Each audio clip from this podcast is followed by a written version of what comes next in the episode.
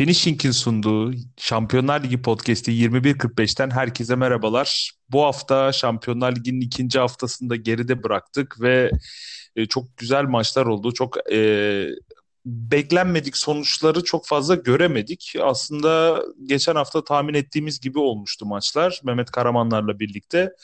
Mehmet Karamanlar bu programın sabit e, konuğu ve yorumlarıyla bize değer katıyor. E, bizim adeta ufkumuzu ikiye çıkarıyor bazı şeyler konusunda. Evet Mehmet hoş geldin. Keyifler nasıl? Hoş bulduk Ekin. Merhabalar. Herkese de selamlar. Ee, iyiyim. Teşekkür ederim. Ee, sen nasılsın? Nasıl gidiyor hayat? Güzel. Maçlar beklediğin gibi geçti mi bu hafta? Or- onu sorayım sana. Yani beklenmediğe doğru giderken beklenen hal aldı. Örnek vermem gerekirse Liverpool Midland'ı çok zor açtı. Yine e, aynı şekilde e, Dinamo Kiev son dakikada yedi kazanır derken e, orada Dortmund yine aynı şekilde Zenit'i çok zor açtı.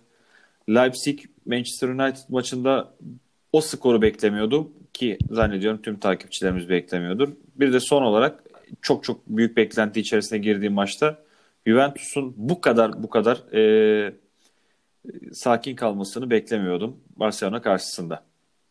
Evet, e, Leipzig konusuna kesinlikle katılıyorum. Ben hatta geçen programlarda Leipzig'in bu grubu lider bitireceğini söylemiştim ama sanıyorum e, Manchester'ın forvetleri ve özellikle e, Pogba, Bruno Fernandes yani oyuna girişleriyle çok e, değiştirdiler ikinci yarıda oyunu. Çünkü birinci yarıda gerçekten de neredeyse başa baş bir oyun vardı ki Leipzig çok tehlike de yaratmıştı. Ama Manchester ikinci yarıda ciddi, ciddi kopardı. O maçı onun sırası geldiğinde konuşuruz ama istersen şöyle e, A grubundan başlayabiliriz. E, ben bu grupta Bayern işte A grubu dediğimiz işte Bayern Münih, Atletico Madrid, e, Salzburg, Salzburg ve Lokomotiv Moskova. Ben bu arada e, iki takımı çok sıklıkla nedense karıştırıyorum. Salzburg'la Leipzig'i. Belki evet, sponsorundan dolayıdır. Geçen evet. programda belirttiğimiz sponsordan dolayı. e, bizim programla bu arada bağı yok e, sayın dinleyenler. Gerçekten de herhangi bir şey alıyor falan değiliz. Zaten o kadar meşhur da değiliz. E, Salzburg evet. E, burada Salzburg'un Atletico Madrid'e gol atacağını düşünüyordum aslında. Etkili olacaklarını, zorlayacaklarını da düşünüyordum ki iki antitez e, takımdan bahsetmiştik. Yani Leipzig de bu, buna aynı ama konumuz tabii ki Leipzig değil Salzburg. Ve Salzburg da aslında benzer futbolu, benzer anlayışı, mentaliteyi ve kulüp yapılanmasını temsil ettiği için e, burada gerçekten büyük takımlara sorun çıkarabilecek kapasiteye sahip. Bunun bir Avusturya tak yani Avusturya takımı olması veya Alman takımı olması çok bir şey değiştirmiyor. Bu kulüp yapılanmaları e, ileride bana göre daha çok can yakacak gibi geliyor. Ya e, yani, maçla ilgili şöyle bir şey söyleyebilirim. Ee, salladı ama yıkamadı Atletico'yu. Ee, bu arada şey bizim hazırlık maçında ülkemiz ulusal takımına da çok güzel bir gol atan Soboslai bu haftayı evet. da boş geçmedi geçen haftadan sonra. Evet. O çocuk da çok enteresan bir noktaya doğru yol alıyor. Ee, geçen sene transfer olan Atletico Madrid'den ama bu sene gerçek gücünü göstermeye başlayan Joao Felix ikilik gol attı. Güzel Hı. bir maç oldu. Kısır bir maç olur mu diye bekliyordum. Senin de dediğin gibi tez antitez iki farklı noktalar. Biri savunmayla biri hücumla gelen e, iki takımın mücadelesiydi. Çok da gollü geçti. 3-2 bitti maç. 5 gol oldu. Ee, hızlı bir oyun oynandı. Aksi yani benim beklentilerimin aksine ben sıkıcı 1-0'lık bir Atletico Madrid e, açıkçası galibiyeti bekliyordum. Yine tek farkla kazandılar ama senin dediğin gibi Salzburg'un da gol attığı bir müsabaka oldu. O açıdan sevinçliyiz. Yani şu maçın skoru e, grubun diğer maçında olsa yani en azından Bayern Münih'in 3 tane atacağını falan söyleseler şaşırmazdım.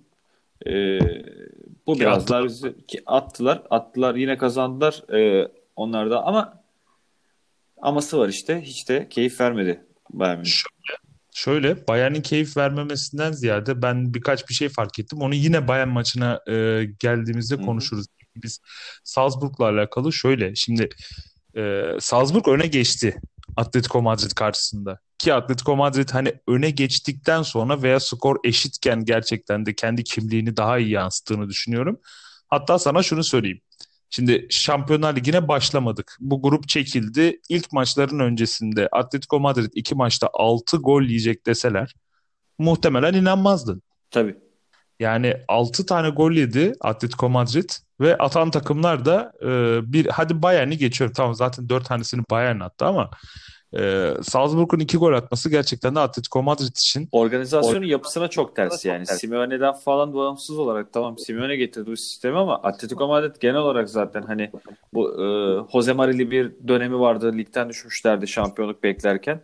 On, o zamanlardan bu zamana savunmasıyla çok büyük işler yapan, şampiyon olurken bile tek atıp e, kaleyi kapatan bir takım hüviyetindeydi ki hala öyleler. İki maçta 6 gol tamam senin de söylediğin gibi Dort, e, düzeltiyorum Dortmund değil. Bayern Münih'ten 4 yemeleri hiç sıkıntısız ki deplasmandasınız. Ne kadar taraftar olsa da olmasa da.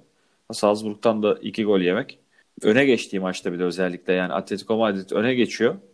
2'yi e, zorlarken tık tık sonrasında 2-1 mağlup duruma düşüyor bir anda. Tamamen organizasyonun, hocanın, takımın mantalitesine, organizasyonun yapısına ters. Ama bu arada Mehmet sözünü kestim ama şey var. Şimdi Atletico Madrid ile Liverpool'a baktığın zaman çok farklı takımlar değil mi anlayış olarak? Öyle Şimdi diyebiliriz. Salzburg geçen sene Liverpool'a da bayağı gol atmıştı. evet evet attılar ama şey şimdi orada Liverpool defansıyla alakalı biraz de, şimdi bu hafta Fabinho da gitti. E, Van Dijk de sakat zaten. Liverpool'un evet, çok gol yiyeceği haftalara giriyoruz diye düşünüyorum ben. Geçen sene de Van Dijk gelmişti. Lovren, Joe Gomez, işte Fabinho orada yoktu o dönem. Hani o bölgede Matip. oynatılmıyordu en azından. Matip vardı falan. Ama çok açık bir e, hücum takımı olduğu için Liverpool arka tarafta da birinci bölgede çok eksik kalabiliyor bir anda. Dolayısıyla bir de Alexander Arnold'la e, Robertson da çok ileri geri yapmayı seven oyuncular olduğu için orada biraz şey SOS verebiliyor defans hattı. Şimdi şöyle benim anlatmak istediğim aslında Bayern yani e, Salzburg'un tamam Avusturya'da bir dominasyon kurduğu gerçek senelerdir ligi alıp götürüyorlar. Zaten hani proje takım olduğunu söylemiştik. E, bu başarılarında da büyük pay sahibi var ama işte bak Atletico Madrid'e de 3 tane atabiliyor. Liverpool'a da 3 tane atabiliyor. Yani çok böyle e, Skala çok mental... geniş değil mi? Skala çok geniş aynen. Onu özetlemek gerekirse gerçekten Salzburg e, bir nevi küçük Atalanta abi, aslında. Be, yaşa ben diyecektim yaşa, ya. Düşük bütçeli de değiller ama hani şey en azından yapımda böyle e, beklenmedik bir film olur ya böyle ne, ne filmmiş lan bu bütçeyle bunu yapmışlar dersin. Aha işte bu evet. Atalanta'ya hiç benzemiyorlar o açıdan. Ha bu arada aynen Atalanta da öyle çok hani büyük değil, şey değil değil. değil. Hani muhtemelen kulüp ölçekleri belki Salzburg'un bütçesi veya Leipzig'in bütçesi şeyden fazladır Atalanta'da. Kafa kafayadır belki hatta dediğin gibi e, o kanatlandıran sponsordan dolayı fazla biri olabilir. Evet e, yani Bayern Münih Lokomotiv Moskova'yı deplasmanda 2-1 ile geçti. Mehmet'in söylediği gibi tatsız e, bir Bayern vardı ama dikkatimi çeken şey şuydu. Bayern Münih'in bazen gol atmakla ilgili böyle sezonlara yaydığımız zaman şöyle bir bakış açısını gol atmakla ilgili zaten çok problem yaşamayan bir ekip olduğunu biliyoruz ama her dönemde mesela teknik direktörler kendi e, gol stillerini aha bir şey buldum tarzında cidden bunu söylüyorum. Yani sanki Bayern Münih'te antrenmanda tamam nasıl gol atacağımızı buldum işte şöyle yapacağız da atacağız dermiş gibi. Ya bazı maçlarda aynı şeyi o kadar fazla deniyorlar ve başarılı oluyorlar ki tamamen örnek veriyorum. Seçme bir örnek veriyorum. Pep Guardiola döneminde Bayern Münih'te ya cidden bir arka direk fetişi vardı. Hatta ben futbol menajerda da kullanıyordum bu sürekli arka direğe ortalama olayını. Ya bunun mentalitesi şuna dayanıyor futbolda. Ee, siz eğer yani sağ bekiniz, sol bekiniz, sağ açık oyuncunuz, sol açık oyuncunuz eğer ki teknik direktör tarafından önceden bir talimat verilmişse kendisine topları gerçekten arka direğe ortalayacaksınız arkadaşlar boşluk bulduğunda ve forvet oyuncuları da veya ters kanattaki oyuncular da diğer kanattaki oyuncunun arka direğe orta açacağını bildiği zaman bu sizin aranızda artık şifrelenmiş ya da kriptolanmış bir şey e, mesaj durumuna geliyor ve bir hazine gibi gerçekten. Ya o kadar çok arka direk golü attılar ki Pep döneminde. Yani bakıyorum hiç alakası olmayan bir pozisyonda mesela sağ kanatta e, oyun kurmaya çalışılıyor gibi görünüyor. Gayet düşük tempodayken öyle bir vites arttırıp öyle bir patlama gücüyle arka direğe getiriliyor ki o top. Bir bakıyorum arka direkte biri biti vermiş ki genelde bu Müller veya Lewandowski oluyordu şey döneminde. Evet. E, Pep döneminde. Pep döneminde. İnanılmaz ya. Gerçekten hani bu bu dönemde böyle tamam aa hazine bulduk arka direkten gol atılabiliyormuş gibi bir e, görüntüye sebep oluyordu. Yani takımların buna 15 maç 20 maç çözüm bulamamasıyla alakalı söylüyorum. Bu maçta da yani e, bir gol atıldı. İlk golden bahsediyorum. E, sağ tarafa ağır yani şöyle söyleyeyim ya futboldaki tam karşılığı e, hani nasıl anlatayım ağırlıklı pas diye geçiyor pes oyunlarında da e, hani topun havada süzülerek oyuncuya ulaştırıldığı hani e, ağırlıklı orta diyelim süzülerek inen top e, sağ kanada veya sol kanada bir şekilde e, orta açacak oyuncunun rahat pozisyon alması için havada süzülerek geliyor top ve ya Kimmich veya Pavar artık hani bu iki oyuncunun da gerçekten ayakları iyi olduğu için söylüyorum. İlk golde Pavar'a sanırım şişirildi top.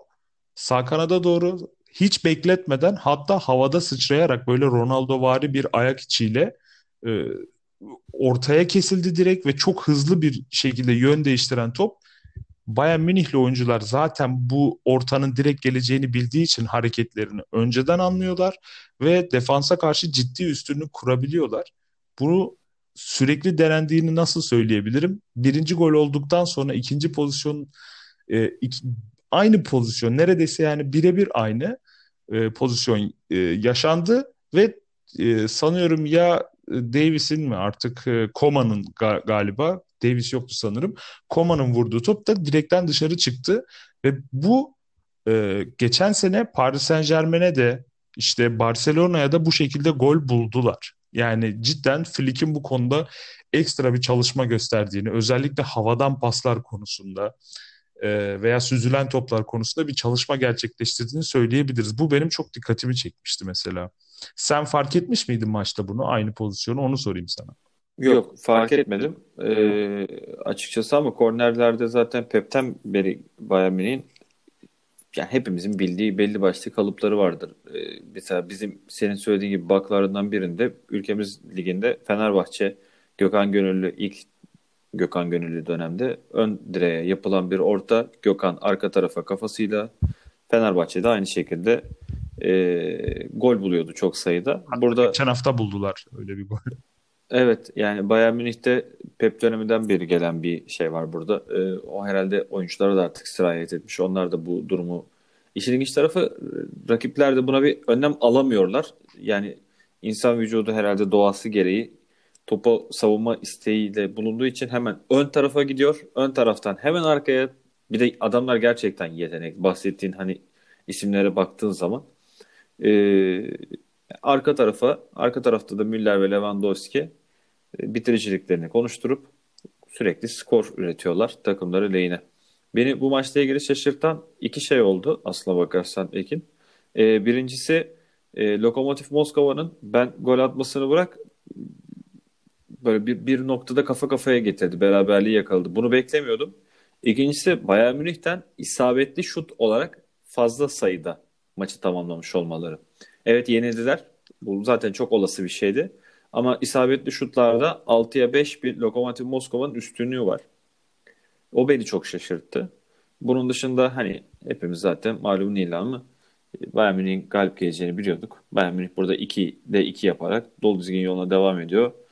Bir önceki maçta da Atletico Madrid'in hani puan aldığını söyledik. Salzburg için biraz kötü oldu. Salzburg için artık iki hedef maçı olacak şimdi. Şöyle ki Lokomotiv deplasmanından 3 puan alırlar olası bir Atletico Madrid galibiyetiyle grupta ilk ikiyi zorlar ama onun dışında UEFA'ya doğru yolu gidiyor. Grup bu şekilde. Grup ikinci haftadan aşağı yukarı kendini belli etti. Birinci belli, ikinciyi seçeceğiz tadında. Lokomotiv de e, beklentilerimin aksine güzel katkı veriyor yani şu iki haftalık süreçte. Evet A grubunda durumlar bu şekildeydi. Mehmet de gayet e, güzel bir şekilde olanları özetledi programlarda çok fazla işte maçların sonuçları şöyle bitti, şöyle oldu demek yerine aslında yani Google'da bulunabilecek bilgilerden ziyade Şampiyonlar Ligi ve Şampiyonlar Ligi futboluna ve e, bu düşler tiyatrosu mu diyeyim Mehmet e, buraya bir bakış açısı sunmaya çalışıyoruz. E, yani sürekli düzenli olarak maçlar şu oldu, şu bitti şeklinde değerlendirilmeyecek. Önceden hani daha çok samimi muhabbet tarzında geçirmeyi düşünüyoruz Şampiyonlar Ligi e, programlarımızı. Onun bilgisini verelim. İstersen bu bilgiyi verdikten sonra da B grubuna geçelim. Mehmet, Shakhtar ve Inter karşılaştı. 0-0 berabere bitti. Bu maçı yine konuşuruz ama sanırım gecenin beklenmedik durumuna düşen takım e, takımı Real Madrid'ti. Yani son anda gelen hatta Real Madrid'in kendi liginde de oynadığı maçlarda bunları gördük.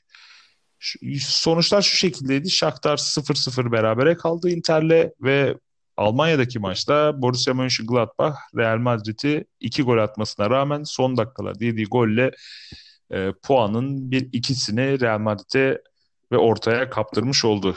Evet, Real Madrid maçını senden dinleyelim Mehmet. Real Madrid maçını e, zaten seninle geçen haftaki büyük beklenti içine girdiğimiz maçlardan biri olarak belirtmiştik. 2-2 e, bitti maç. Turam'ın iki güzel golü vardı.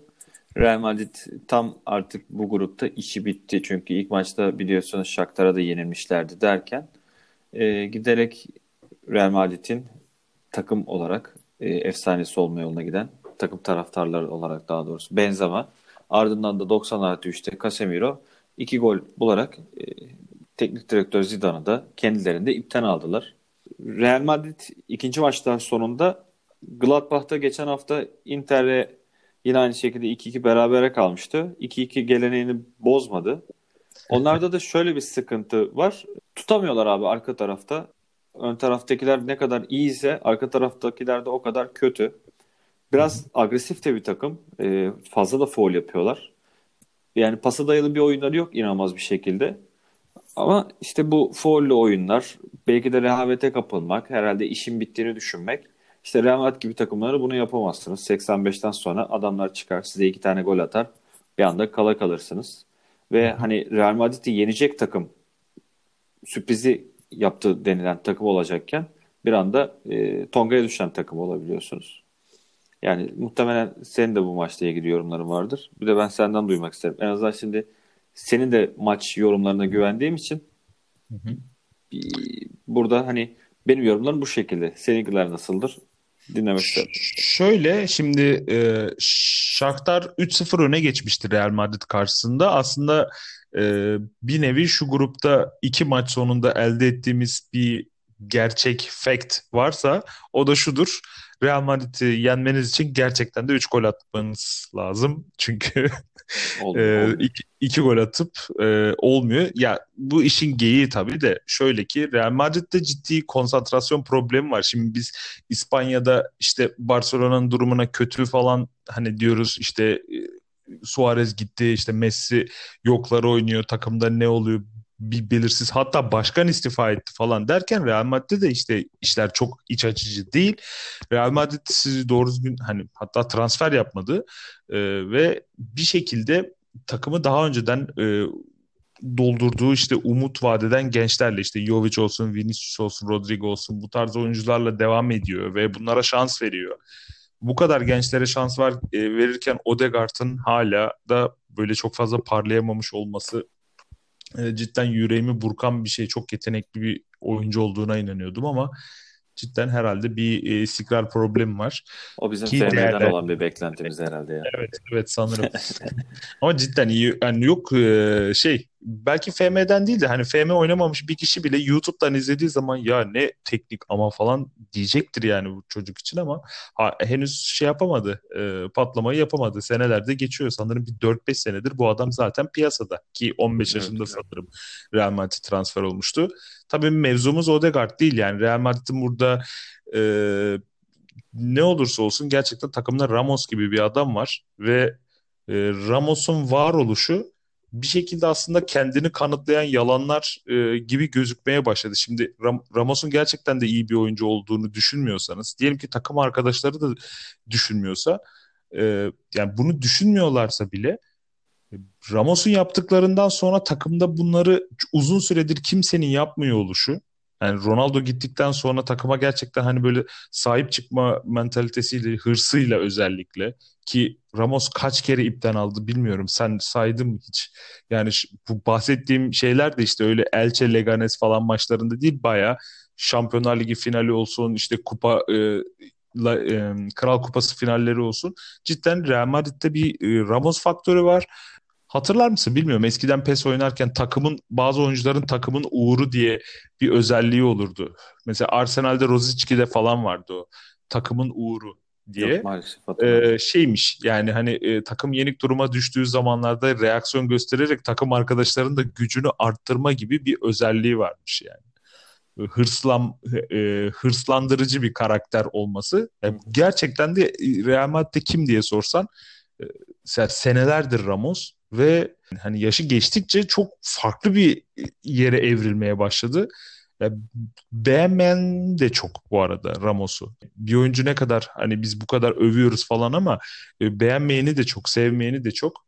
Ama bazı oyuncular işte böyle maalesef hani e, seveni kadar sevmeyeni de fazla oluyor. Ama Real Madrid'deki en önemli yani sezon sonunda bir başarı başarı yaşayacaksa Real Madrid e, bunda Ramos'un ve Zidane'ın gerçekten de bir payı olacak. Yani iki maç, üç maç evet kötü gidebilir ama Real Madrid son 20 sezonda kaç kere iki maç, üç maç üst üste e, kötü geçmiştir? Defalarca yani sayamazsın. Bu takım gidip de kendi evinde 5 mi yemedi? Yani Barcelona'da hani bu e, El Clasico'larda perişan mı olmadı? Avrupa'da dandik Liverpool'dan diyeyim yani. Gerçekten kötü bir Liverpool'dan 4 tane gol mü yemedi en iyi kadrolarıyla? Ama bir şekilde bu takım Real Madrid yani. Zaten böyle olduğu için hala Real Madrid diyoruz. O yüzden e, hala Real Madrid diyorum ben.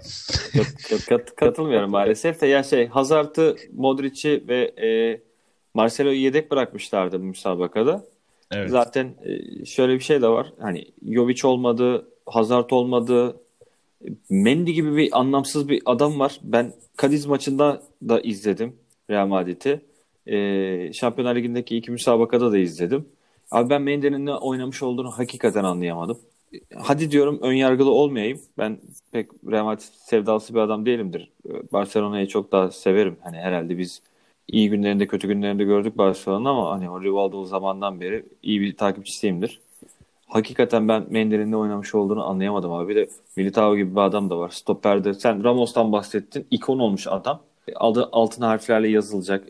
İlerleyen yıllarda bir çok büyük transfer yapıldığında nasıl ki hani büyük ikon adamlarla falan forma yap, şey yaptılar. İşte ülkemizde şey gibi düşün. Lefter geliyor hani mesela Alex de fotoğraf çektiriyor. Sergio Ramos ilerleyen yıllarda yaşlandığında öyle bir adam olacak. Onun yanına abi Eder Militao'yu koyuyorsun. Saçma sapan hareketler yapıyor. İşte maç kaptırıyor. Iı, gol yediriyor Evet. Real Madrid sıkıntısı burada birazcık. Ee, ama seneye çok çok büyük transferler yapacaklarını düşünüyorum. Hatta Liverpool'la az önce bahsettiğim Liverpool'la da Upamecano hakkında işte bayağı bir çekişmeye başladıkları yönünde. Böyle söylentiler dolaşmaya başladı bile daha şimdiden. Evet, e, grubun diğer maçında yani Shakhtar ve Inter'in 0-0'lık beraberliği hakkında çok çok uzun diye konuşmayacağım. Sonuçta hı hı. E, sıkıcı bitmiş gibi görünen kağıda, kağıt üzerinde baktığınız zaman ama cidden eğlenceli bir maçtı aslında. Gol olmamasına rağmen adeta e, taktik mücadele şeklinde geçti. Shakhtar'ın çok enteresan bir defans dizilişi vardı. 7 kişilik çizgi defans ve önde ayrışan bir 3 kişi e, ve tuhaf bir e, yapılanmayla çıkmışlardı maça. E, ancak işte bu maçtan gol çıkmaması gerçekten çok enteresan. Ee, ben muhtemelen hani en azından Inter'in deplasmanda gol bulabileceğini düşünüyorum. Çünkü bir ara gerçekten oyunu iyi do- domine ettiler ve Shakhtar aslında biraz güven problemi yaşadı. Ee, bu maçla ilgili de bir ekstra söyleyeceğim bir şey var. Daha önceden de aslında normalde izlediğim bir oyuncuydu. Valeri Bondar 21 yaşında Shakhtar defansında enteresan ve Avrupa futboluna kazandırılan çok genç ve yetenekli bir stoper olduğunu düşünüyorum. Ee, sonrası herhalde Premier Lig veya Real Barcelona tarafına gidebilir gibi görünüyor cidden. Yani e, çok beğendim bu maçta. E, aslında B grubunu konuşmayı bitirebiliriz. İstersen evet, evet. yani D grubunda ve güzel maçların olacağını düşündüğümüz D grubuna geçelim. Atalanta Ajax'la 2-2 berabere kaldı. 2-0 geri düşmüşlerdi ki ilk yarın Atalanta yani 2-0 geri düşmüştü kendi evinde. İlk yarının sonlarına doğru iki şok gol yiyerek burada geri düştüler. Hem de kendi evlerinde tekrar söylüyorum. Yani burada taraftar faktörü olmasa da Atalanta e, hatta Atalanta da çok fazla iç saha dış saha ayıran bir takım olmasa bile Ajax'tan kendi evinizde e, pat diye iki gol yemezsiniz diye tahmin ediyordum. Ancak e, Atalanta çok dengeli bir futbol oynayan bir takım değil biliyorsun sen de. Evet. E, burada Liverpool da bu grubun diğer maçında Midtjylland'a normalde e, az kadrosuyla çıksa belki de 6-7 e, gole gidebilecek bir maçta aslında e, bayağı rotasyonlu bir kadroyla hani yarı rotasyonlu diyebiliriz e, bir kadroyla çıkıp sakin geçen maçta son dakikalarda da işte skoru garanti altına alıp e, Salah'ın penaltı golüyle 2-0 kazandı Liverpool. Aslında bu e, grupta haftaya çok güzel maçlar var. E, Atalanta Liverpool ve Midtjylland Ajax gibi. Midtjylland Ajax maçı çok belirleyici olacaktır özellikle Atalanta ve Ajax'ın gruptan çıkma yarışında. E, istersen hem sana Liverpool yani senin takımını sorayım hem de Atalanta'yı da değerlendirelim e, ve grupları yavaş yavaş ilerleyelim. E, Liverpool maçına geçmeden önce Atalanta maçına kısaca bir değinmek istiyorum Ekin izninle. Atalanta Ajax maçını da yine takip ettik. Şimdi maç öncesi şöyle ilginç bir şey okumuştum Twitter'da. Bu maçın e, 2.5 üst denilen o bahis durumuna yaklaşık 350 milyon euro kadar bir e, bahis yapılmış Avrupa'da.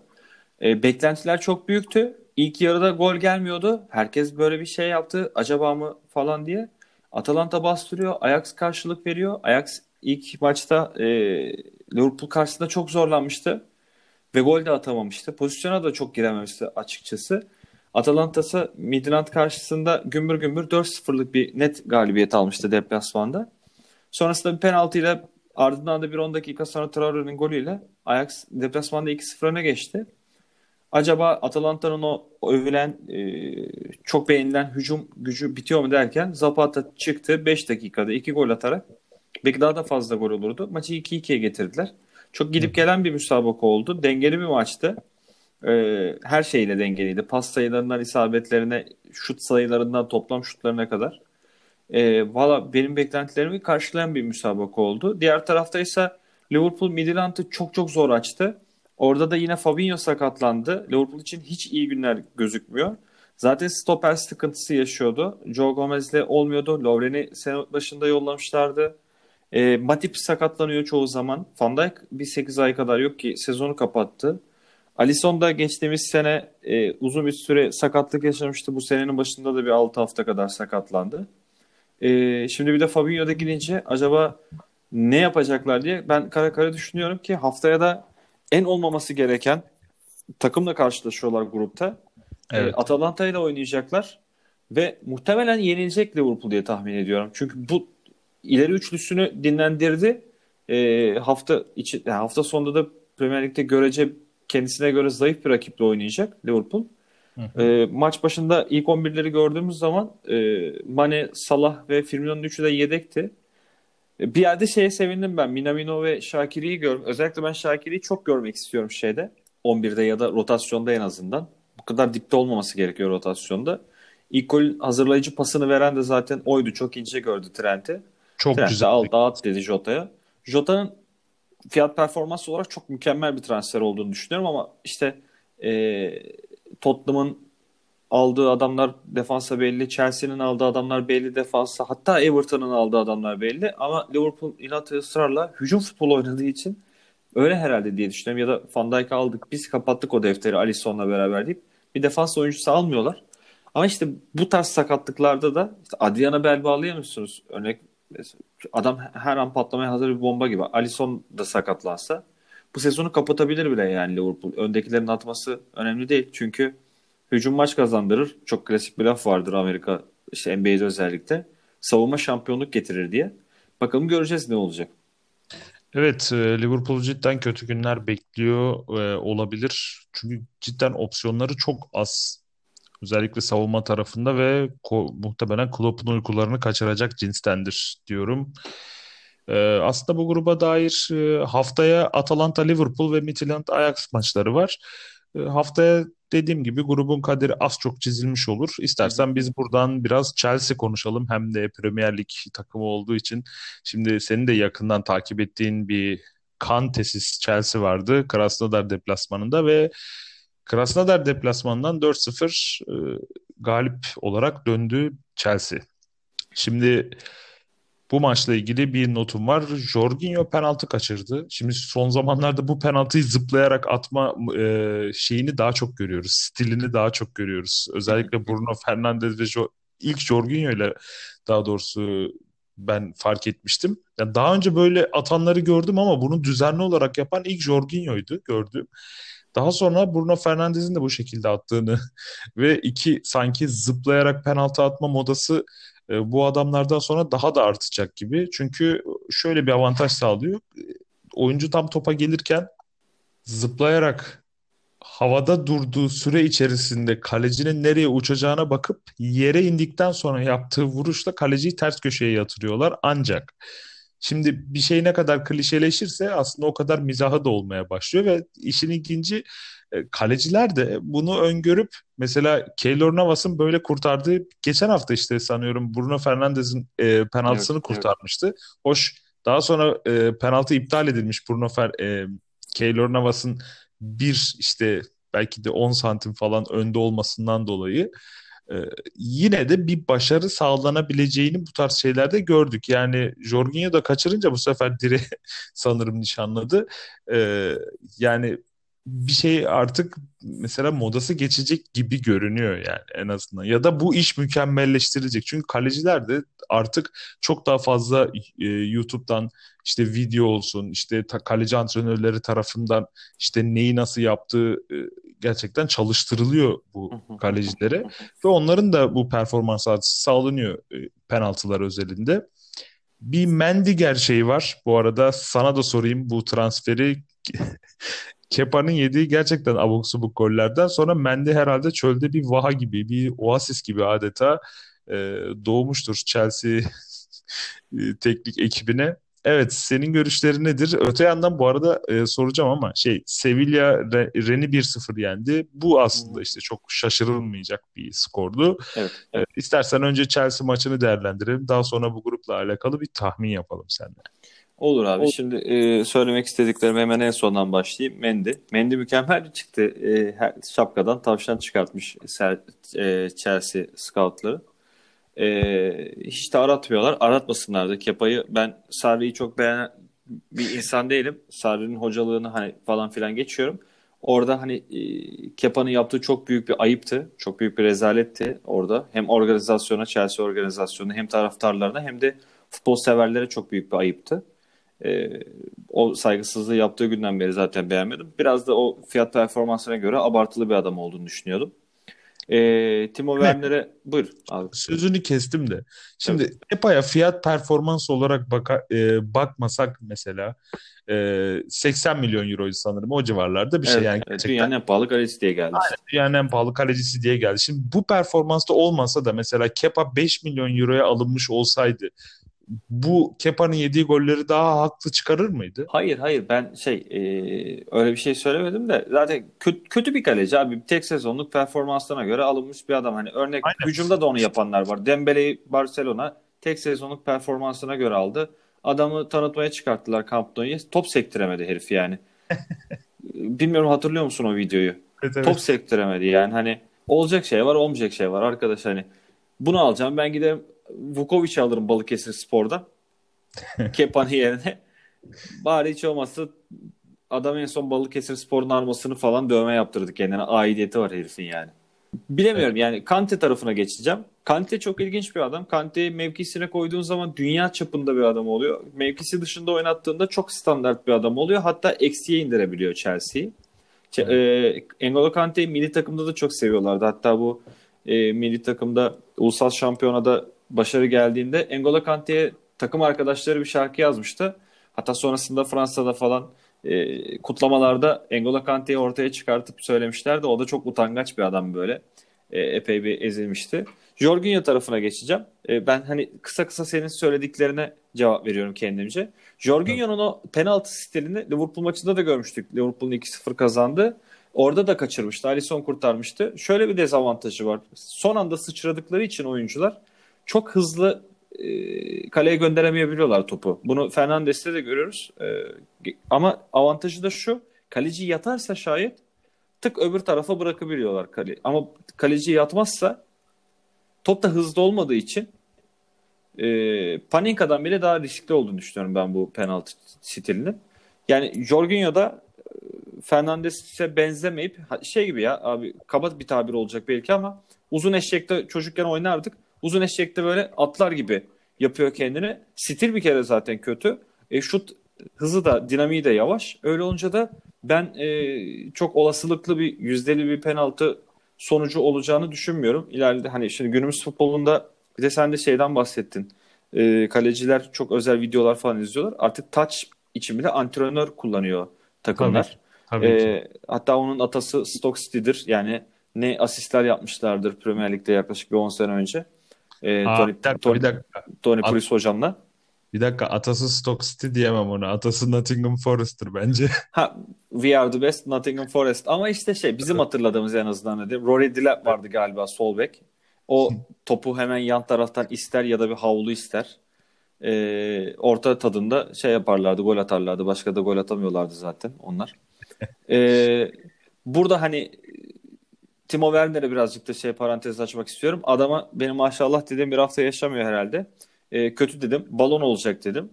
Önce Southampton'a iki tane çok güzel gol attı ligde. Ardından Şampiyonlar Ligi'nde gol attı. Güzel gidiyorlar. Evet. Ziyech'in ilk 11'e yerleştiğini gördük bu hafta. E, onlar da yani iyi bir transfer olduğunu zaten belli edercesine Hakim Ziyech de golünü attı.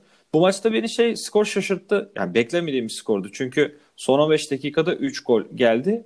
Öyle bam bam bam oynayan bir Chelsea'de var mıydı ilk yarıda? Yoktu. Ama işte Rüdiger'le Zuma güzel kapattılar. Chilwell zaten söylemeye gerek yok. Aspiri'ye çok yardım etti Ziyech.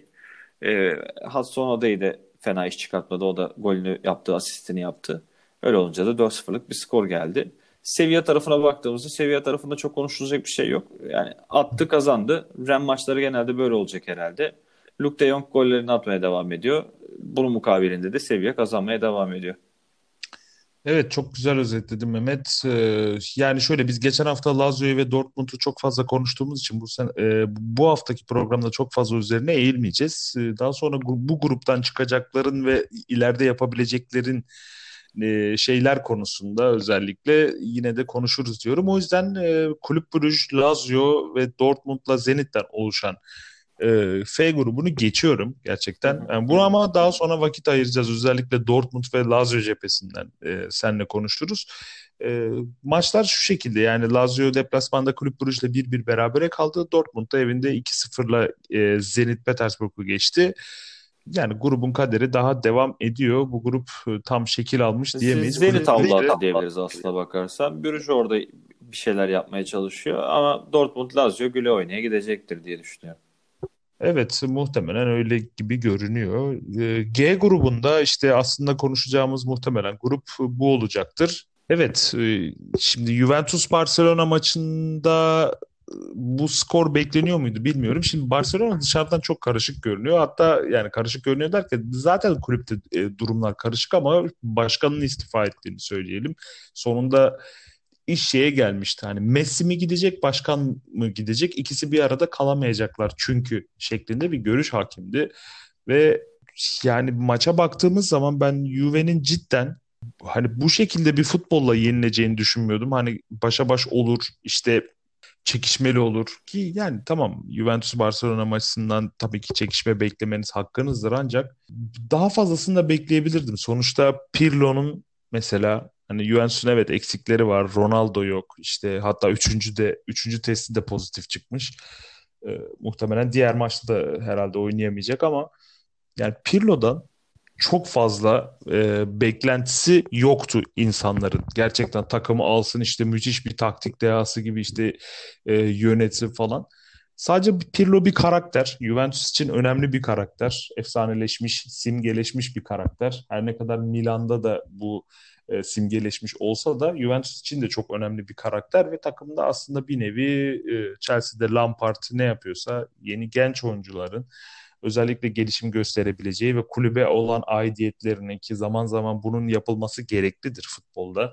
Çünkü futbol bir takım oyunu ve e, cidden takım oyunu oynayamıyorsanız zorlanıyorsunuz. Şimdi bu, bunları neden söyledim? Sahaya baktığımda e, evet 10 tane yani kaleciyi saymıyorum 10 tane Juventuslu oyuncu var. Juventuslu oyuncuların pek çoğu takım oyunundan bir haber gibilerdi. Takım oyunu cidden sahaya yansıtamadılar. Çok fazla bireysellik hakimdi ve hatta dozunu kaçırmışlardı. Yani Dybala'ya bakıyorum topu alıyor kendi başına gitmeye çalışıyor. Öteki e, öte yandan Merih Demiral e, e, çevresine bazen pas atacak adam bulamadı. Onu yine konuşuruz performansını ki e, aslında yani Juventus'un bu arada skandalını da konuşalım. E, bir gol atma e, ve VAR skandalı vardı orada. E, tuhaf bir durumdu. Yani skandal demeyeyim de gerçi bilmiyorum. Hani sen daha iyi yorumlarsın onu. E, Juventus'u bireysel gördüm ben. Pirlo'nun sanırım daha alması gereken çok yol var ve takım üzerinde çok fazla hakimiyet kuramamış gibi ve sahada tam olarak da ne yapması gerektiğini bilmiyor gibiydi oyuncular. Sen nasıl gördün bu maçı? Hem bu var olayını sorayım. Merih'in performansını nasıl buldun? 85. dakikada kırmızı kart görmüş olması sanıyorum çok fazla etkilemez ama e, senin bakış açından nasıl geçti bu maç? Ya şöyle kısa özetlemek istiyorum. Maç e, isim çok büyüktü. Maç ama kendisi büyük değildi. E, Barcelona 2-0 kazandı. Bir penaltı, bir de e, karambol yani e, kaleci böyle kontrpiyede kaldı bir gol oldu. Ronaldo'nun ayrıldığı takımlar hep bocalıyor. Bunu Manchester'da da gördük, Real Madrid'de gördük. Olmadığı dönemlerde Juventus'ta da görmekteyiz. Ee, dediğin gibi bir takımda liderlik tarafı var saha içerisinde. Saha dışında da hem Tudor hem Pirlo gibi iki e, efsane oyuncusunu getirdi Juventus ama şu ana kadar e, takımın bu gümbür gümbür giden Sarri döneminde bile çok e, rahat olmasa da gelen şampiyonluğunu belki yaşayamayacaklar gibi görüyoruz. Merih'le ilgili şöyle bir parantez açmak istiyorum. Merih e, çok tehlikeli oynuyor. E, işte bu tarz müdahaleleri çok. Merih çok hırslı bir adam. Bu defans oyuncular için çok iyi olduğu kadar çok tehlikeli de bir şey. E, Merih çok zeki bir adam. Çoğu zaman bu müdahaleleri yapmış da bazen hırsına yenik düşüyor. Son olarak da yani Morata'nın yerinde olsam var var muhabbetinde o televizyonun falan ekranı kırmak isterdim artık. Çünkü atıyor santraya çekiyorlar topu. Offside hadi bakalım geri dönüyorlar. Atıyor aynı şekilde offside diyorlar. Üç kez yaşandı bu olay. Üçünde de Morata'ya geldi. Ee, Barcelona grupta liderlik açısından mükemmel bir galibiyet aldı. Ee, bu maçla ilgili bunları söyleyebilirim. Evet, Peki. grubun diğer maçında da Ferencvaros e, geriye düştüğü maçta kendi evinde beraberliği almayı bildi ve aslında puanını almış oldu. Gruptaki ilk puanını almış oldu. Sanıyorum burada Juventus'un bir sürpriz yapması durumunda Ferencvaros'un işleri daha da zorlaşabilir. Çünkü e, diyelim ki deplasmanda Dinamo Kiev'i yendiklerini varsayıyorum mesela. Grubun son maçına kalacak galiba. Ee, ki haftaya Juventus'la evinde oynayacaklar. Juventus'un burada bir tökezlemesi durumunda e, Ferencvaros avantajlı bir konuma gelebilir. Juventus karşısında da Dinamo Kiev karşısında da burada öyle bir hesaplar dönebilir. E, onu haftaya yine e, ilk 3 maç bittikten sonra yine konuşuruz. Son grup olarak aslında Başakşehir ve Paris Saint-Germain maçı Özellikle de grubun diğer maçındaki Manchester United'ın 5-0'lık Leipzig galibiyetini konuşalım isterim. Ondan sonra da herhalde programı kapatırız. Şimdi Başakşehir'in evinde gerçekten Paris Saint Germain'e böyle işte çok fazla oyun içerisinde üstünlük sağlayabileceğin olduğu yerleri çok fazla düşünmüyordum. Şimdi Paris Saint Germain'in tam ideal kadrosuyla e, sahada yer aldığını söyleyemeyiz. Maçta zorlandığını söyleyebiliriz. Ancak Şöyle ki Paris Saint-Germain'in maça ikinci viteste kalkmaya çalışarak yani özellikle biraz ağır bir kalkış olur birinci vitese göre. Sen de araba sürüyorsun biliyorsun yani. Biraz ağır kaldılar. Hani arabayı ikinci hatta üçüncü viteste kaldırmaya çalışıyor gibiydi Paris Saint-Germain. Öte yandan e, Başakşehir beklenenden iyi bir takım oyunu sergiledi ve e, çok fazla aslında Paris Saint Germain'in isminden etkilenmeyerek güzel bir başlangıç yapmış oldu maça. E, ancak tabii ki daha sonra yeniden goller de çok fazla böyle engel olabileceğiniz ya tabii basit hatalar çünkü ilk gol hani Keane'in golü zaten kornerden gelmişti. Orada bu topları biz zaten özellikle Beşiktaş olsun işte Fenerbahçe olsun, kötü dönemlerinde Galatasaray olsun. Bu duran toplar biz Avrupa'da hep sıkıntı yaşıyoruz ve şey gibi bilmiyorum o duyguyu kaç kez yaşamışsındır yani Avrupa'da bir maçı çıkıyoruz hani grubun belki son maçı ya da sondan bir önceki önemli maçı işte ülkemizi temsil ediyoruz herkes yani e, Galatasaray maçıysa Beşiktaşlısı Fenerlisi de izliyor. İşte Fener'in maçıysa herkes izliyor. Beşiktaş'ın maçıysa işte bütün ülke hani yensin de işte turu geçsin diye düşünebiliyor. Ancak ya maça bir başlıyoruz. 5. 10. dakikada pat işte e, spikerin sessizliği, o soğuk duş etkisi. Zaten havalar soğuk oluyor böyle işte. Yani, aman Volkan bırakmayın. Evet gibi aynen spikerlerin bu tarz şeyleriyle aynen. mesela e, hatırlıyorsan 6-0'lık Dinamo Kiev Beşiktaş maçında da yani tam e, Beşiktaş hadi buradan bir puan alır işte galibiyet alır alabilir mi işte gruptan çıkabilir mi falan o maça bağlıydı. Ya taçtan gol yedi soğuk duş falan derken iyice e, şeye döndü yani kontrast duş tarzına döndü ve gerçekten de dondurmuştu bizi orada kırmızı karttan falan da sonra. E, böyle bir durumlar var. Yani Başakşehir'i e, bize en azından maçın başında bu soğuk duş etkisini yaratmadığı için maça ortak olduğu için tebrik etmemiz gerekir. Sonuçta e, sanıyorum Paris Saint Germain'in hücum hattıyla 8 tane falan Başakşehir kulübü kurulabiliyor. Ya şöyle söyleyeyim abi. O hücum gücündeki bir tane adam olsaydı Başakşehir'de Crivelli'nin yerine Başakşehir gol atardı. Belki de buradan puanla ayrılırdı. Bitiricilik haricinde her şeyi yaptı Başakşehir ama işte bitiricilik noktasında çok sıkıntılar çektiler ki Moiseki'nin de ben çok çok yani kadrodaki diğer isimlere göre büyük bitirici olduğunu düşünmüyorum. Hatta Başakşehir'deki Dembaba'dan biri bitiricilik anlamında söylüyorum bunu tırnak içerisinde. E, fakat Moiseki'nin iki tane golüyle Başakşehir bence hak etmediği bir mağlubiyet aldı. Çünkü istediler müsabakayı. Pozisyonlara girdiler. Dembaba da girdi e, ama maalesef olmadı. Başakşehir burada güzel günler geçirip geçen hafta da bunu söylemiştik. Gider diyorduk.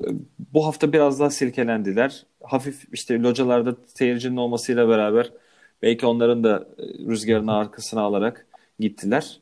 Ama maalesef yani olmuyor. Daha tecrübesizler. Takımda birkaç kişi haricinde Şampiyonlar Ligi mecrasında Hı-hı. çıkmış insan yok. Diğer tarafta Neymar erken sakatlandı. Bakalım sakatlığı ne durumda. Bir de çok çok ekstra olarak ben şeyi çok beğendim. Danilo'yu çok beğendim. Her şeyi kesti, her şeyi kesti. Artık şöyle bir pozisyon olmuştu ikinci yarıda. Visca bir pozisyonda vurdu. Danilo yine kesti. Hatta şakayla karışık kaldırırken Visca şeyi e, Danilo'yu that's enough falan dedi yani hani e, babacım yetere getirdi yani artık bıraktı sal topumuzu oynayalım gibi ama işte e, hakikaten çok beğendim. İlk, stoper ikilisini hatta çok beğendim. Şey Kim Pembe ile beraber. Normalde çok da beğenmem ama güzel bir müsabaka izlettirdiler bize. Bizim Kim Pembe cidden kötü çok iyi bir oyuncu. Ya şimdi şey o da bizim Merih gibi. Çok iyi ama hani deliler azıcık abi hani her stoperde olması gereken İtalyanlar belki de ondan birazcık da başarılı savunmacılar çıkartıyorlar. Biraz çılgın adam tamam. yani Kim Pembe'de. Ne zaman ne yapacağı belli olmuyor. Danilo daha böyle sakin ama bu maç özelinde Senin çok istediğin oyuncunun gelmesine yaklaşık 3-4 e, sene var. Dortmund'da e, Zagadou diye bir stoper var.